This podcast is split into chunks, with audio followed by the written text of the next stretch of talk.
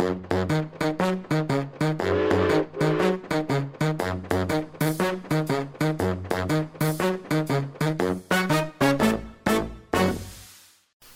ønsker vi eh, våre faste lyttere eh, god jul og eh, velkommen til en ny episode av podkasten Ekspedert. Og I dag så skal vi opp i lufta og ta en titt på Narviks luftfartshistorie. Med oss i eh, studio så har vi vært så heldige å få han Roald Christensen, som eh, har samla Narviks luftfartshistorie, og her i forrige uke kom på museet og overrakte hele sitt arkiv til eh, forvaltning og ivaretakelse av eh, Narvik museum. Så da blir det digitalisert, ordna og katalogisert, og forhåpentligvis tilgjengelig for et, eh, både for ettertida, men også for et større publikum, som da kan søke på alt det du har samla inn av luftfartshistorie. Og den er jo egentlig ganske mangfoldig. Husker du når kom det første flyet til Narvik? Og det første flyet til Narvik det var jo i, før 1920. Et sjøfly som landa her. Og eh, det var vel en DNA, DNL som hadde et, trafikk her. Men eh, selve rutetrafikken her, den eh, hadde jo DNL frem til 1939. Og da ble det slutt på denne Ja. krigen. Ja. Så, Men ellers så har det jo vært mange eh, andre fly. Vi har hatt Gisken Jacobsen her, som landa i, i midten av 20-årene. Og vi har jo hatt andre besøk. Vi har jo hatt han eh, Roald Amundsen eh, forsvant oppe på Nordpolen. Så hadde vi jo eh, fly som eh, Eller en svenske som landa i Narvik. Hvor de tok av flyet og sendte opp og var med på leitinga etter han. jeg lurer på om han heter Lundborg. Men eh, uansett Jeg han, het, tror han het André, gjorde han ikke Ja. Han, eh, han landa på Ofotfjorden og taksa innover til, eh, til Narvik. Så han kom altså eh, Han fikk ikke flyet sendt med, med tog. Han kom flygende til Narvik for å være med i en leteaksjon. Ja, nei, det kom en båt Oh, ja. og ble lossa på Fagerneskaia. Ja. Og der ble det gjort klart og satt på, på, på vannet. Ja vel. Og fløy opp til Tromsø først, Ja. og så var de opp mot eh, Svalbard. Ja. Før krigen så var jo Narvik en eh, moderne by med gode kommunikasjoner, i hvert fall med tog. Og eh, det med å Det var kanskje naturlig at, at flyene dukka opp i Narvik, som en av de store byene i Nord-Norge.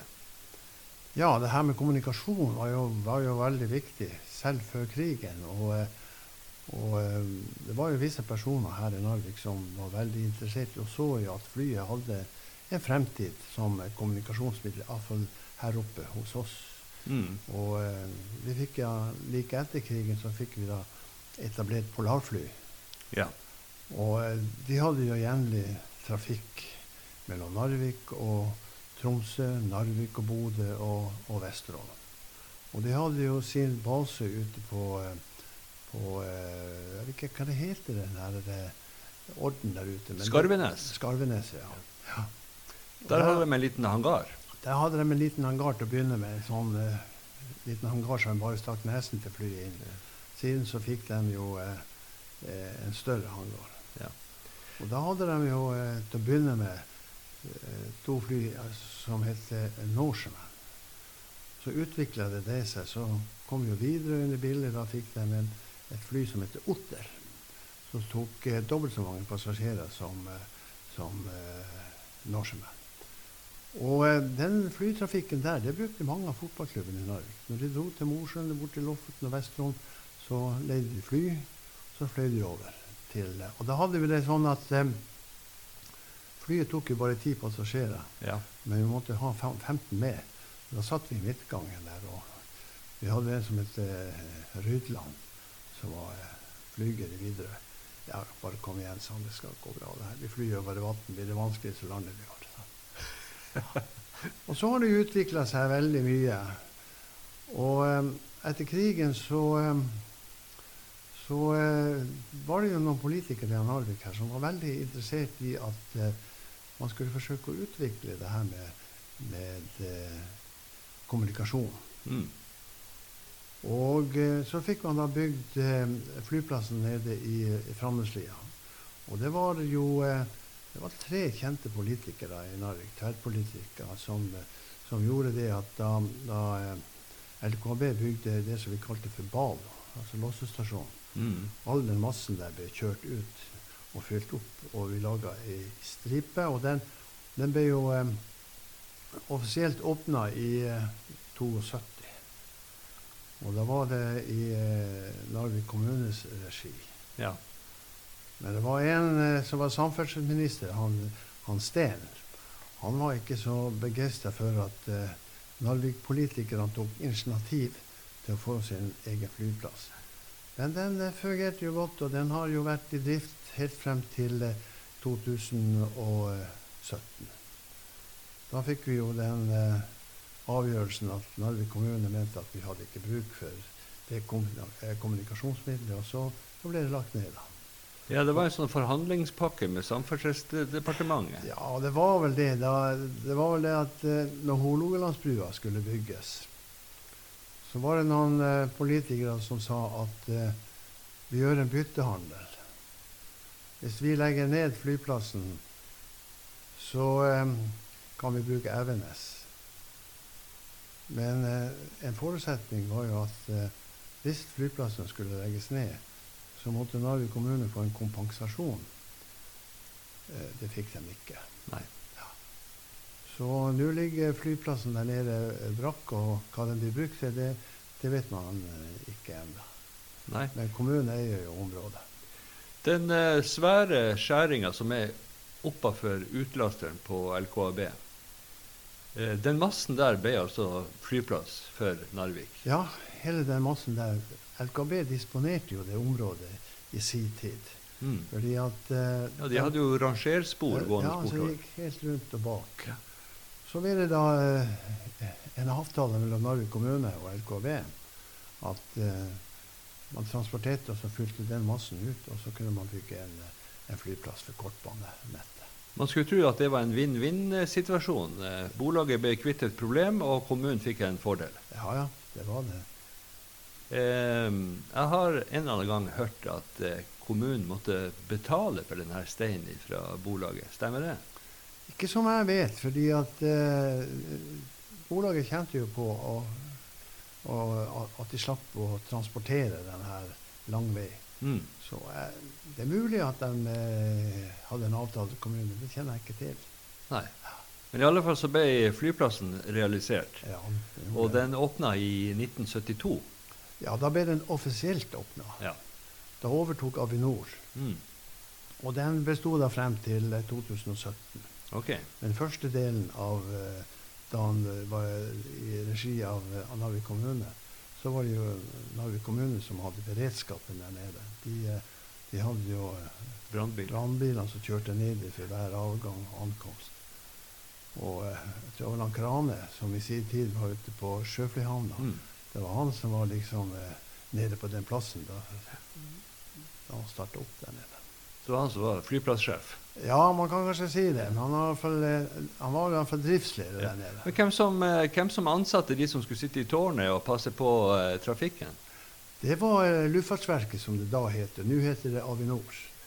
Riktig. Så, så Luftfartsverket de kunne operere da med et tårn, og så var det andre som opererte flyplassen. Ja, de hadde en avtale med Narvik kommune at Narvik kommune skulle drive plassen. Men i eh, 75, da, eh, da overtok jo eh, Avinor det. Da Mm. tok de over både driften og beredskapen. Ja. Fordi det er veldig viktig når man har en kortbaneplass at beredskapen er i orden. Spesielt det her ved ankomst og avgang ved fly. Mm. Så, eh, men det hadde Narvik kommune i sin tid. Ja. Men det overtok jo da Avinor når de overtok eh, flyplassen og området, driften der nede. Med egne folk både i tårnet og nede på eh, bakken. Og Narvik er vel ikke noe særstilling når det gjelder å, å ha en kommunal flyplass. Vi hørte jo nettopp fra Haugesund, Ja. hvor kommunen gir et ganske stort tilskudd bare for å, til drifta av flyplassen, for å være sikker på at eh, næringslivet har et godt tilbud.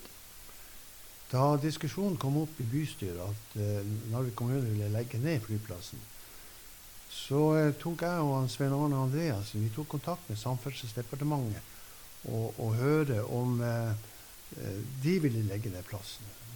Og da fikk vi vite at eh, departementet ville ikke legge ned noen flyplass dersom kommunene sjøl ikke ønska det. Og når Narvik kommune ønska det, så ble den lagt ned. Ok. Så hvis Narvik kommune hadde sagt at vi vil beholde vår flyplass, så hadde det fremdeles eh, landa og tatt av fly på Framneslia? Det hadde det nok. Og hvis man så på trafikkutviklinga som var da Det var jo flere selskap som har operert der nede. Vi hadde Cato Air i sin tid, og alle Kjellevelle-ulykka som skjedde i Bodø da han Mm. her eh, Øksemannen. Ja, Øksemannen. Ja. Men vi hadde jo veldig stor utvikling. Ikke bare det at vi hadde passasjertrafikken, men vi hadde jo også luftambulansen, Ja. som var veldig viktig. Og den har vist seg har redda flere liv ved at eh, pasienter kom raskt til Tromsø Mm. når de fikk eh, et, et tilfelle. Ja, det skal vi komme tilbake til. Eh, vi vet jo fra eh, litteraturen at hun, Gisken hun ble virkelig inspirert til å ta flysertifikat i forbindelse med denne leteaksjonen etter eh, han eh, Nobile, italiener som skulle fly eh, luftskip til, eh, til Nordpolen i luftskipet Italia, og som krasja på vei tilbake igjen til Ny-Ålesund. Og det ble satt i gang en kjempesvær leteaksjon. Og hele verdenspressen var involvert i det her. Og eh, man kan si stormens øye, det var Fagerneskaia. Dit kom eh, båtene som, eh, som med eks ekspedisjon når de hadde funnet den. Og hun Gisken hun var da 20 år og eh, tok inn over seg alt det her. Ja, det var jo et, eh, som sagt en verdenssensasjon når han ble funnet og kom ned til Narvik. Og alle de her flyene som kom og gikk.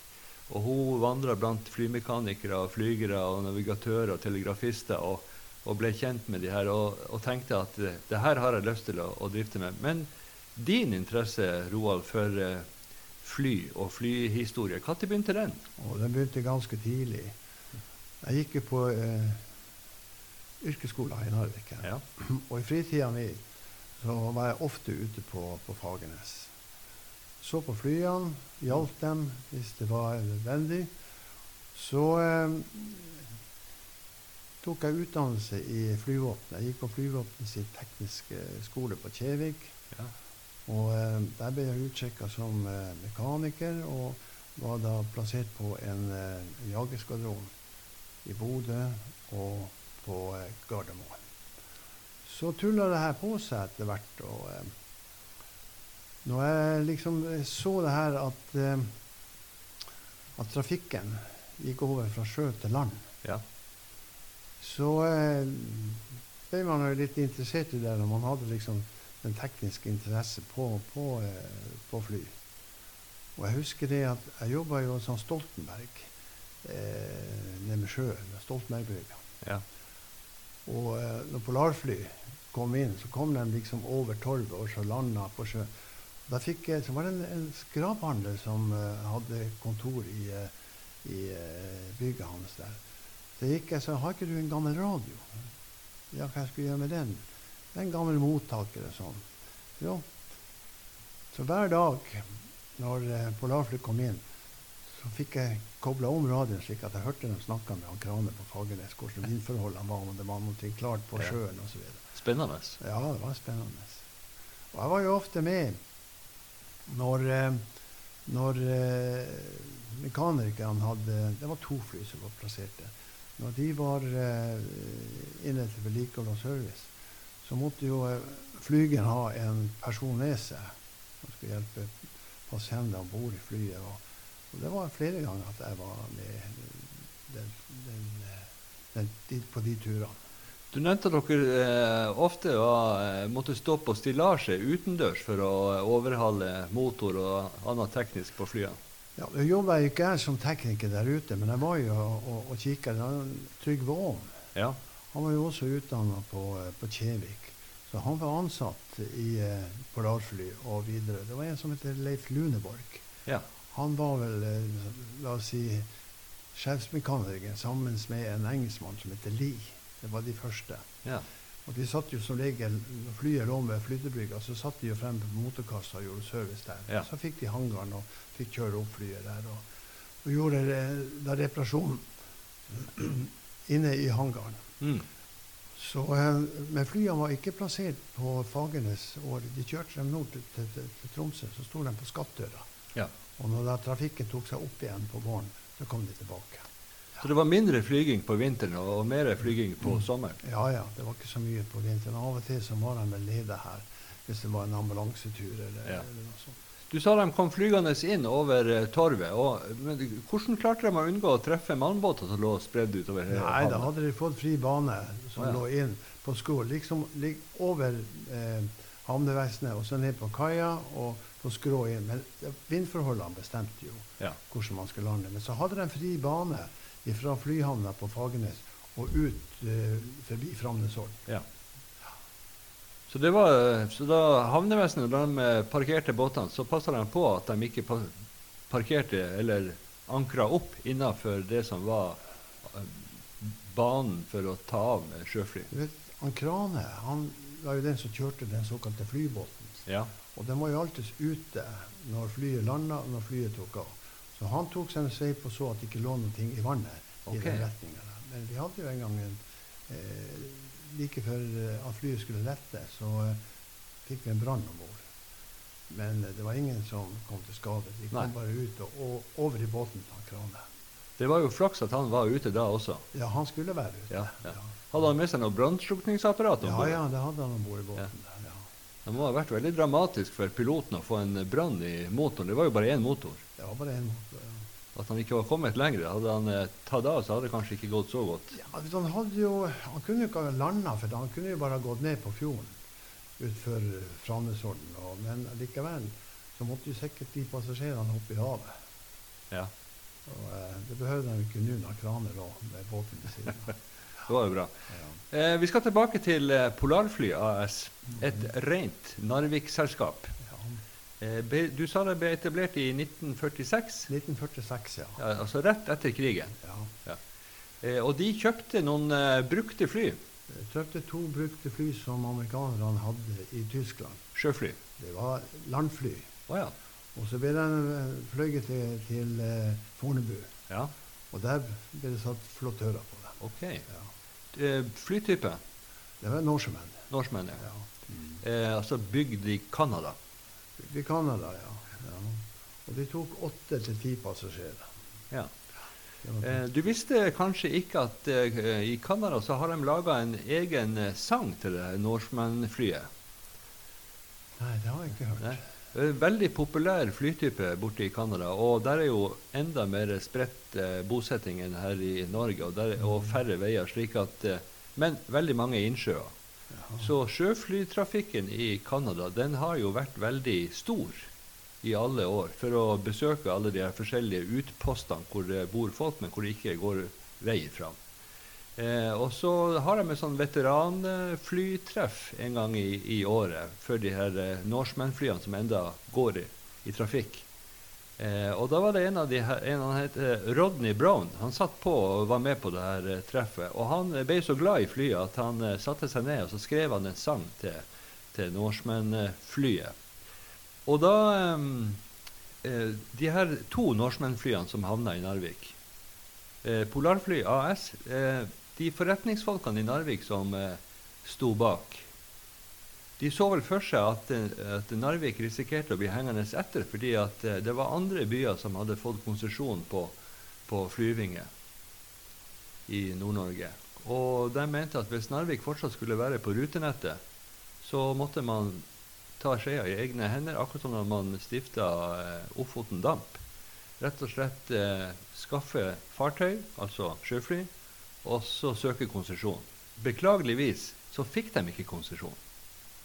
Men du husker de her, du, navnet på noen av de her guttene som, så, som var med oss og stiftet det her selskapet? Ja, det var jo eh, eh, familien Rogmo. Ja. Eh, det var da Reidar Rogmo. De som hadde fargehandelen på Fargehandel på Frydenlund.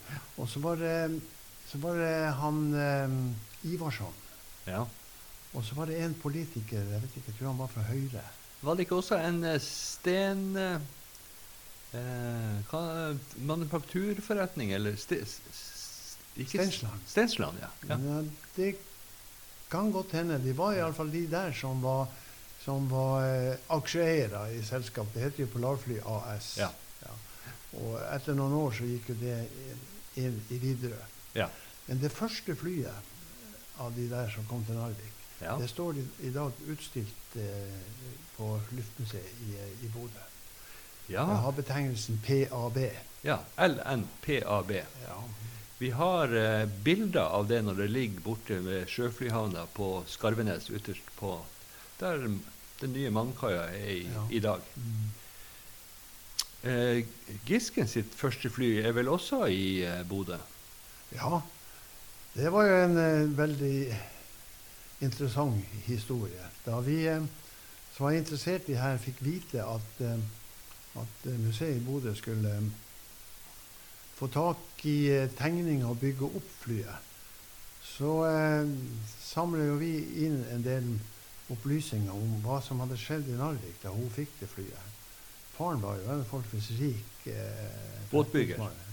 Ja, jeg vet ikke om han var båtbygger, men han var trærashandler. Ja. Ja.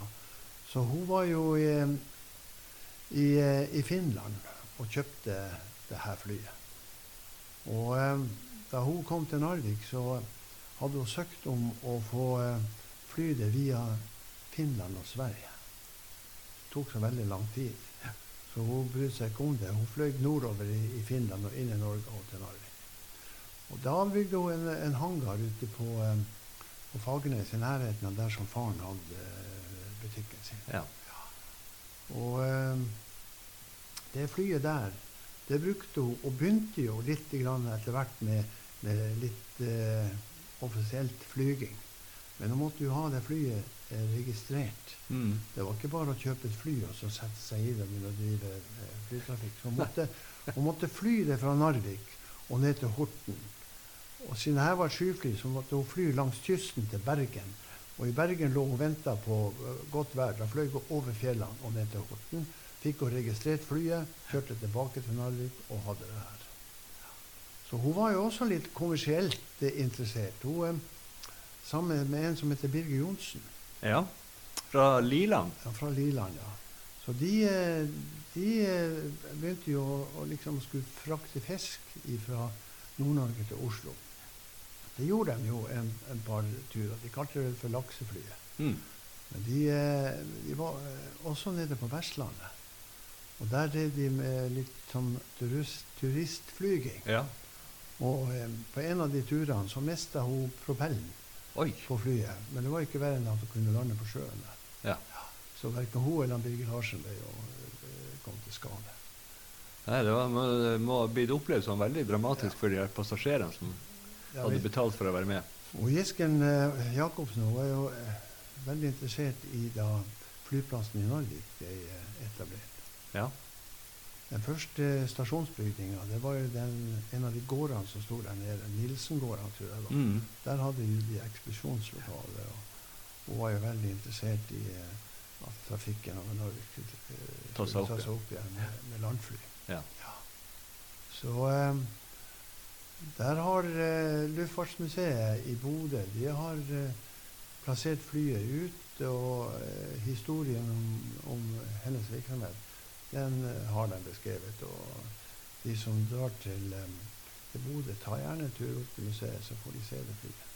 Hun søkte jo også om flere konsesjoner for å få ruteflyging. For det var sånn man kunne få statsstøtte og kanskje drifts, et nødvendig driftstilskudd for å i det hele tatt kunne økonomisk komme i land med det å kjøpe fly og, og ansette piloter og teknikere. Det var ikke bare å søke eh, konsesjon for eh, flyruter. De hadde jo DNA. De var jo sterkt inne i bildet, og de ønska jo å ha eh, monopol på flytrafikken fra Bergen til Trondheim til Tromsø. Ja. Så eh, hun eh, fikk jo ikke noe særlig nytte av den trafikken med fly. Og, men hun hadde jo et, eh, et fly ei stund som var litt eh, større enn det ene. For eh, Måsen det var jo bare et tosetersfly. ja. Så hadde jo et fly som tok fire passasjerer ei stund. For hun og Birger Larsen de eh, fløy jo litt turisttrafikk nede på Vestlandet. vil jeg si. Mm. Hun ble jo veldig eh, berømt sånn nasjonalt. For når hun og han Leppinen, som han het, han finske Mm. piloten som hun hadde hyra inn for, for hun, hun kunne jo sikkert ikke Hun hadde jo sitt flysertifikat fra Stockholm og hadde sikkert fløyet opp med én flytype, men det her var jo et sjøfly, en annen flytype, så hun måtte jo sikkert lære det før hun sjøl kunne ta roret i, i cockpiten. Og Gisken Jacobsen hun er den første norske kvinnelige flygeren med eget fly. Mm. Det var ei anna dame som var den første med flysertifikat. Ja. Men hun var nummer to. Ja, Hun hadde også søkt konsesjon, men endte opp med å få avslag. Og hun endte opp som guvernante i Canada. Ja. Eh, men hun, Gisken hun ble, den brukte jo veldig lang tid på denne turen nedover for å registrere flyet. Eh, og avisene fulgte jo med. liksom, eh, Noen ganger så måtte de jo ned for å spørre om hvor de var. Andre ganger så måtte de ned for å finne ut hvor får vi tak i eh, bensin. Og andre ganger så måtte de ned fordi at de måtte vente på været fordi at tåka lå ned i fjellene og de kom seg ikke videre. Så jeg tror de brukte ganske mange dager på den. Brukte en måned på turen. Den brukte en måned på turen ja, fra Narvik ned til Horten. Så måtte den fly tilbake. Og så fly tilbake igjen etterpå. Men som sagt, avisene de fulgte jo opp det her. slik at når hun kom til Horten, så var vel hun en av Norges eh, mest kjente kjendiser. Ja. Den, turen, den turen som eh, vi hadde fra Narvik til Bergen, den ble jo fulgt opp. Og, og eh, når sjøflyet i Bergen tok av over fjellene Ja. for å slippe å flyge rundt kysten, så ble det jo også veldig mye oppmerksomhet. Ja. Men det en artig historie. Da, da hun var og skulle kjøpe seg et fly, så eh, ringte hun hjem til, eh, til faren og sa at eh, ja, hun var og kikka på et fly og hadde funnet et som kanskje passa. Uh, og det var eh, om, hun, om hun kunne få kjøpe en, en, en Junker. Ja, så sa faren. Kjøp to, sa han. Så har du eh, Et i reserve. Et, et til søster di. Ja. Men han hadde hørt feil. Han trodde hun spurte om å kjøpe en jumper. En jumper, ja. ja. Men uh, junkeren kosta nok sikkert mye mer. Men hun kjøpte i hvert fall en junker. Ja. Ja. Og så eh, den her eh, maskinen som hadde først, det var en Seski Mm. som var bygd i Finland. Finsk flytype. Ja. ja. Ganske lite tomotors. Eh, nei, eh, to, toseter. Ja. Ja. Jeg tror Gisken har hatt for, forholdsvis liten omtale i Narvik Ja. i, i, på grunn av sin, sin eh, flyvirksomhet. Jeg tror ikke det har vært så veldig mange interessert i det her. Nei. Da vi begynte å, å, å kikke litt på det her, og, og så jo at um, Bodø skulle bygge opp det flyet, så tok vi jo kontakt med forretningslivet og bankene i Narvik og spurte om ikke de kunne yte et tilskudd slik at vi kunne få det flyet transportert til Narvik. For Ja. vi har det utstilt her. Ja. Ja, banken har Sparebank trådde til, og Ofoten Bilrute trådde til. Så det ble demontert i, i Bodø. Transportert på en tilhenger av Ofoten Bilrute til Narvik. Ble montert opp i, i eh, der som ekstra på flyene nå. De hadde et, et stort lokale. Der hadde vi det stående ganske lenge. og ga beskjed til skolene kom og kikk på det her. Folk vil Ja. se litt historie om det som, eh, som har skjedd i sin tid. Så i gamle domhus på Frynlund. Ja. Ja, det er ikke dårlig. Nei. Men de som nå- vil se måsen, de må ta turen til Bodø. De må ta turen til Bodø og kikke Ja. på det. Og da kan de samtidig få en titt på den, et av de her Norseman-flyene som Ja. Polarfly AS hadde i drift på Skarvenes. Ja. Eh, du nevnte at eh, det var en litt sånn spesiell historie med, med LNPAB. At den hadde eh, litt sånn Hva man skal si Ei fartstid som spionfly. ja, det var jo en, en historie historie i at det var en amerikaner som kom til Narvik og skulle opp til Finnmark. De var vel ikke klar over hva, at han var spion, men, men han leide jo flyet, og de dro jo til Finnmark, og han skulle inn på et av de vannene der. Så viste det seg at vannet der, det var, det, de landa, men det var så kort at de kunne ikke komme opp. Så flyet ble jo stående der, og så ble det jo demontert og flyttet til Bodø. Mm. Og det viste seg det at det, det var en, eh, en spion som skulle over grensen til Russland. Oi. Men derimot eh, vet man ikke mer om den Nei. historien.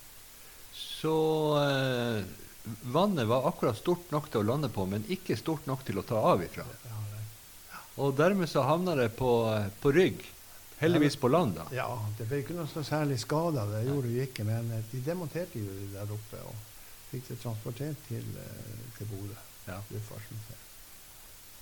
Så det der er jo eh, en del av kald krig-historikken, Ja.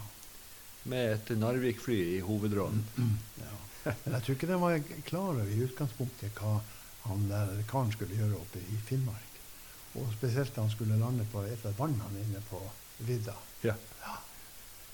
Nei, det var sikkert mye hysj-hysj. Ja, men alt gikk jo vel. Ingen ble skada. Verken passasjerene eller flyet. Hvordan kom de seg ut herifra? Eh, det vet jeg ikke. Flyet ble jo liggende i mange mange år Ja.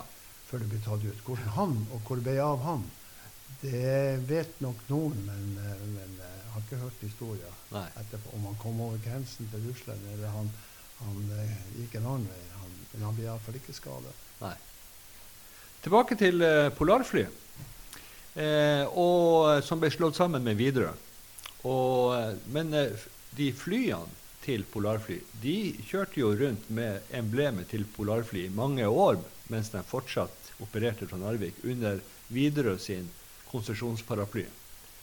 Og i den tida der så, så var jo du ute på eh, Skarveneset og hjalp eh, til. Og var du noen gang eh, de, Flyene de hadde jo på en måte base her på sommer, så, og i helgen så var det jo ikke noe passasjerflyging, så da lå jo flyene her. Og da vet jeg at eh, det av og til var ambulanseflyving. Ja, det, det er riktig. Vi var med en gang, spesielt en gang eh, det var dårlig vær. Og da eh, Han som var pilot, han heter Døvre. Så skulle vi til, eh, til eh, sør for Bodø. Og eh, da vi nærma oss Bodø, så tok han kontakt med tårnet så sa han hvor er, hvor er det henne? Hvor, hvor er vi skal lande? Ja, dere må bare fly mot eh, den plassen som er oppgitt. Så skal vi gi beskjed at de ror ut i en båt, tenner et lys, så vi ser hvor, hvor, hvor, eh, hvor de er. Og vi landa jo der. Og tok om bord en unge som var sjuk, og fløy den til Bodø. Ja. Og eh, da vi skulle tilbake til Narvik, det ble det veldig dårlig vær. Vi måtte lande på Ofotfjorden her, så måtte vi vente litt til det lette, slik at han kunne ta oss og fly inn til, til, til, til brygga på Fagernes. Så det måtte improviseres av og til. Ja, de var veldig gode, de her. Spesielt hadde jo de en flyger her som heter Rydland. Ja. Han var jo kjent for at han tok ikke noen sjanser. Dessverre så omkom han jo eh, ute på Gravdal. Ja. Eh, under eh, en avgang så kom et vindkast og tippa flyet rundt.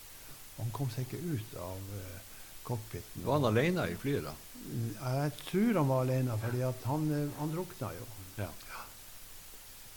Så, eh, men han var veldig, han var veldig dyktig. Han, og, når Nord og Mjølner skulle på fotballturer, Mm. og været var litt dårlig, så spurte jeg hvem var det skulle fly. Ja, det var Rydland. Ja, det var det. ok. Det var ok, ja. For han tok ikke noen sjanser? Han tok ikke noen sjanser, men Nei. han var veldig dyktig. Men eh, det var en gang at han hadde veldig tung eh, last. Ja, det stemmer. Jeg, jeg, da var jeg ute på Fagernes en gang. og De skulle jo opp til et av fjellvannene som, som eh, ikke turist, jo, turistforeninga som Jeg tipper det var Turistforeninga som skulle sette Ja, opp ei hytte. Ja. Så lasta de vet du, på eh, flottørene, materialen, Ja. og inne i flyet. Og eh, han, eh, han måtte jo være alene, fordi han, det var jo vekt av han eh, andeflyvende hjelpesmann. Så han, eh, de lasta det de kunne eh, få, og så taksa de ut eh, forbi Framnesorden og utover mot nærmere Liland. Ja. Der snudde han. Da fikk han såpass lang bane at han fikk, fikk høyde og kom seg, kom seg opp og, og innover Sonfjellene og landa på en av de vannene. Det var Gautelis eller det var noen andre, det er jeg ikke sikker men eh, Det må ha kosta en del drivstoff å kjøre for full eh, hendel fra havna og ut til, til Forretangen. ja, Der taxa han jo bare ut, så det var nesten bare sånn, sånn robotfart. Men eh, han skulle opp, Ja. så, eh, så var det overlasta. Men det var jo for å hjelpe den foreninga å få opp det materialet. Det var dyrt for dem å leie flyet. Ja. Hva var den største risikoen med å drifte ei sjøflyhavn i Narvik? Var det det at, du kunne, at det lå drivgods i sjøen, eller at det var Nei, det var ikke noe, det var ikke noe eh, vanskelig forhold på sommeren, men på vinteren. Ja. isflak. Ja, ikke noe isflak, men det var jo av vindforholdene som Ja. rådde. Så når de landa, f.eks. det blåste inn fjorden, Ja. så måtte de fly over Beisfjordbua, og så måtte de svinge, og så måtte de gå ned og, og liksom lande mot eh, Framnesorten der. Ok. Så eh, det var ikke noe sånn vanskelig. Men værforholdene var jo Det var jo mørketid her oppe, Ja. så når den eh, slo til, så, så eh, var det ikke For de hadde jo ikke noe instrumentflyging på de flyene i, i den tida der. Det gikk, den fløy på sikt. De fløy på kontakt. Ehm, den første flytypen eh, som var stasjonert i Narvik, det var altså de her Norseman-flyene. Hvor Mm. Hvor eh, mye passasjerer kunne de ta? De, de, kunne ta, eh, de kunne ta åtte passasjerer, og så kunne sette én lammeflygende fremme. Okay. Så de hadde akkurat et fotballag, men de hadde ikke noen reserver. Nei. Men var det sånn at setene var ei på hver side av Ja. kabinen? Ja, Ja. Det var enkeltsete på hver Ja. sin side.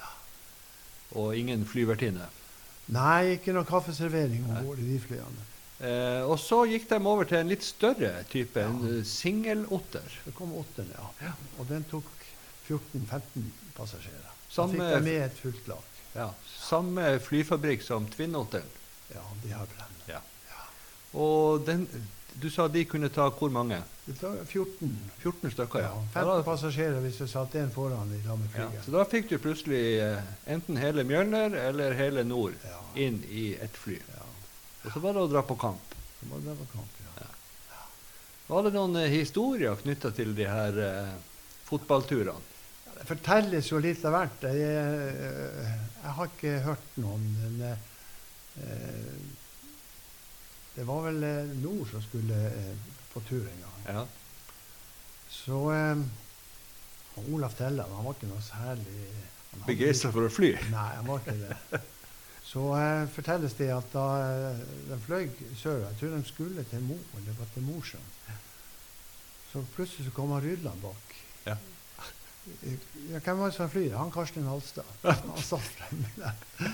Så det, men om det er historie eller sang, det vet jeg ikke. Men det var jo liksom en Han ble vel kanskje ikke så veldig beroliga av det. Nei. Husker han og Pettersen han satt ved siden av han, uh, Olaf Tella. På samme side bak. Det var døra på sida, så var det ei seterad bak. Ja. Så greide han, uh, han Olaf han fortalte det, den satt, han satt og liksom og slumra litt. Så var han Odd der og greide å presse døra litt opp. Og så våkna jo han eh, Olaf av det her han suset og så ned på sjøen. Nei da, det var nok eh, Ja, så var det vel ei eh, historie eh, Nora hadde vært på, på Andenes Ja.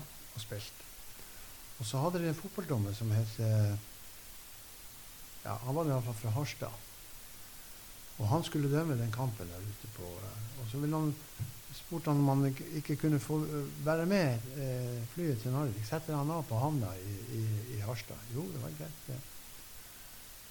Så eh, flyet landa jo i, eh, i, eh, i Harstad, og så satte de av på en sånn stor boie som sto der. Ja. Og så sa, eh, så sa han Karsten ja, vi har ringt eh, til Harstad, så han skal komme ut med båten og hente deg. De hadde jo ikke ringt. Flyet tok av fra Narvik, og han Karl August het han. Ja. Han Ble stående på bøye han ble stående på bøye til noen så at han satt der ute. Bare å hente han på land.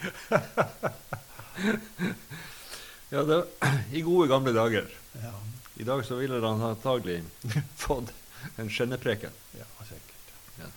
Så har jo utviklinga skjedd eh, raskt. Vi, når flyplassen ble åpna for eh, kortbanenettet, så eh, var jo trafikken ganske stor. Mm. Og vi hadde jo også den, den luftambulansen. Og vi hadde jo flere selskap som var inne, noe som heter Cato Air. Ja. Og eh, det var jo en historie han her eh, som hadde øks, øksemorderen, som Ja. han kalte det. Men eh, så siden så kom vi jo da videre inn på banen igjen. Og da hadde vi jo flyforbindelse mellom Narvik og Lofoten, Narvik og Bodø, Narvik og Tromsø. ja. Og det der gikk jo helt frem til, eh, til Det var såpass stor trafikk her at, eh, at selskapet fikk eh, altså offentlig tilskudd Mm. til ruter som, eh, som eh, var viktige. Og det hadde Narvik. Ja. På, på strekninga Narvik-Bodø og Narvik-Vesterålen. eh, Jeg tror kanskje at det var oppe i 30 000 passasjerer årlig Ja, på det beste. Ja, ja, jeg tror det, det meste som var i sin tid, det var vel ca. 35 000 passasjerer i året. Ja. Og Og så hadde sank det under en periode med Cato Air, for det var jo mindre fly Ja, og mindre fly. Ja, mer støy og Ja, ja. ikke så uh, lettvint. Nei. Men det var gode flygere eh, hos det selskapet også. Ja. ja. Men så kom jo da eh, flyplassen, hvor vi fikk eh, Tinnoter. Mm. Og den var jo eh, en veldig trans eh, viktig eh, transportmiddel. Som fløy på kortbanenettet i hele, hele Nord-Norge. Så kom vi videre da med større fly. De fikk jo eh, Dash 8. ja. Den tok jo eh, 29 passasjerer. Så fikk de jo eh, en større maskin som tok 50, men den var så kostbar i drift. Og det var fire motorer, så den, eh, den eh, var ikke lenge her. Nei. Og de fløy jo frem her med, med Dash 8 til eh, ja, april 2017. Da var det slutt. Mm. Så eh, jeg jobba jo veldig mye mot politikerne for å liksom å, å se det her med infrastrukturen som var en veldig viktig for, for Narvik kommune, f.eks. Kontakten med, med Bodø, Tromsø Mm. og Vesterålen. Men eh, det var ikke noe særlig interesse for det. Det var brua som var det viktigste for politikerne i Narvik. Så de lot den gå på bekostning av at eh, Evenes ville kunne overta den, den trafikken som eh, Narvik hadde. Og det viser seg nå at der har de jo store problemer. Ja. Både med hensyn til avganger og, og ikke minst tilbringertjenesten eh, med buss. Mm. Så skal du til Bodø på et møte, så må du jo stå opp klokka fire på morgenen Ja. for å komme seg til Bodø. Og så må du være på, på Evenes én time før flyavgang Ja. for registrering og, og innsjekking. Og når du skal tilbake, så var det jo slik, og jeg tror det er også slik, at de bussene som går fra Evenes til Narvik, de, korrespons ja, de korresponderer jo mest med de eh, flyene fra Oslo Ja. og eh, Trondheim. Så må det, måtte jo passasjerene som var fra Bodø, måtte jo sitte og, og vente dersom de ikke hadde bil sjøl og kunne parkere. Og eh, det var ikke alle som hadde det. Men eh, politikerne i Narvik de spilte ikke noen rolle, for dem. eh, de hadde jo betalt både på ventetid og opphold. Og, ja, ja. Ikke sant? kunne, kunne være borte en dag eller to. Det spilte ikke noen rolle. Så eh, 70 års eh, historie med fly som har eh, kommet og dratt fra Narvik. Det var da punktum i 2017. 2017. Ja. Ja. Det var jo veldig mye skriveri. Det var jo folk fra, fra Lofoten og Vesterålen og ellers rundt omkring i Narvik som hadde vært eh, som flytta sørover. De mente de her at det, det var feil av kommunen kommune å, å legge ned flyplassen. Mm. Og det viste seg jo det at, eh, at det som skulle bli så mye bedre med Evenes, det, det slo ikke til. Altså, hvis de ikke greier å få en, en tilbringertjeneste som passer inn med lokaltrafikken, så eh, er det ikke så mange som eh, kommer til å, å, å, å bruke den forbindelsen. Men det ble nå sånn. Ja.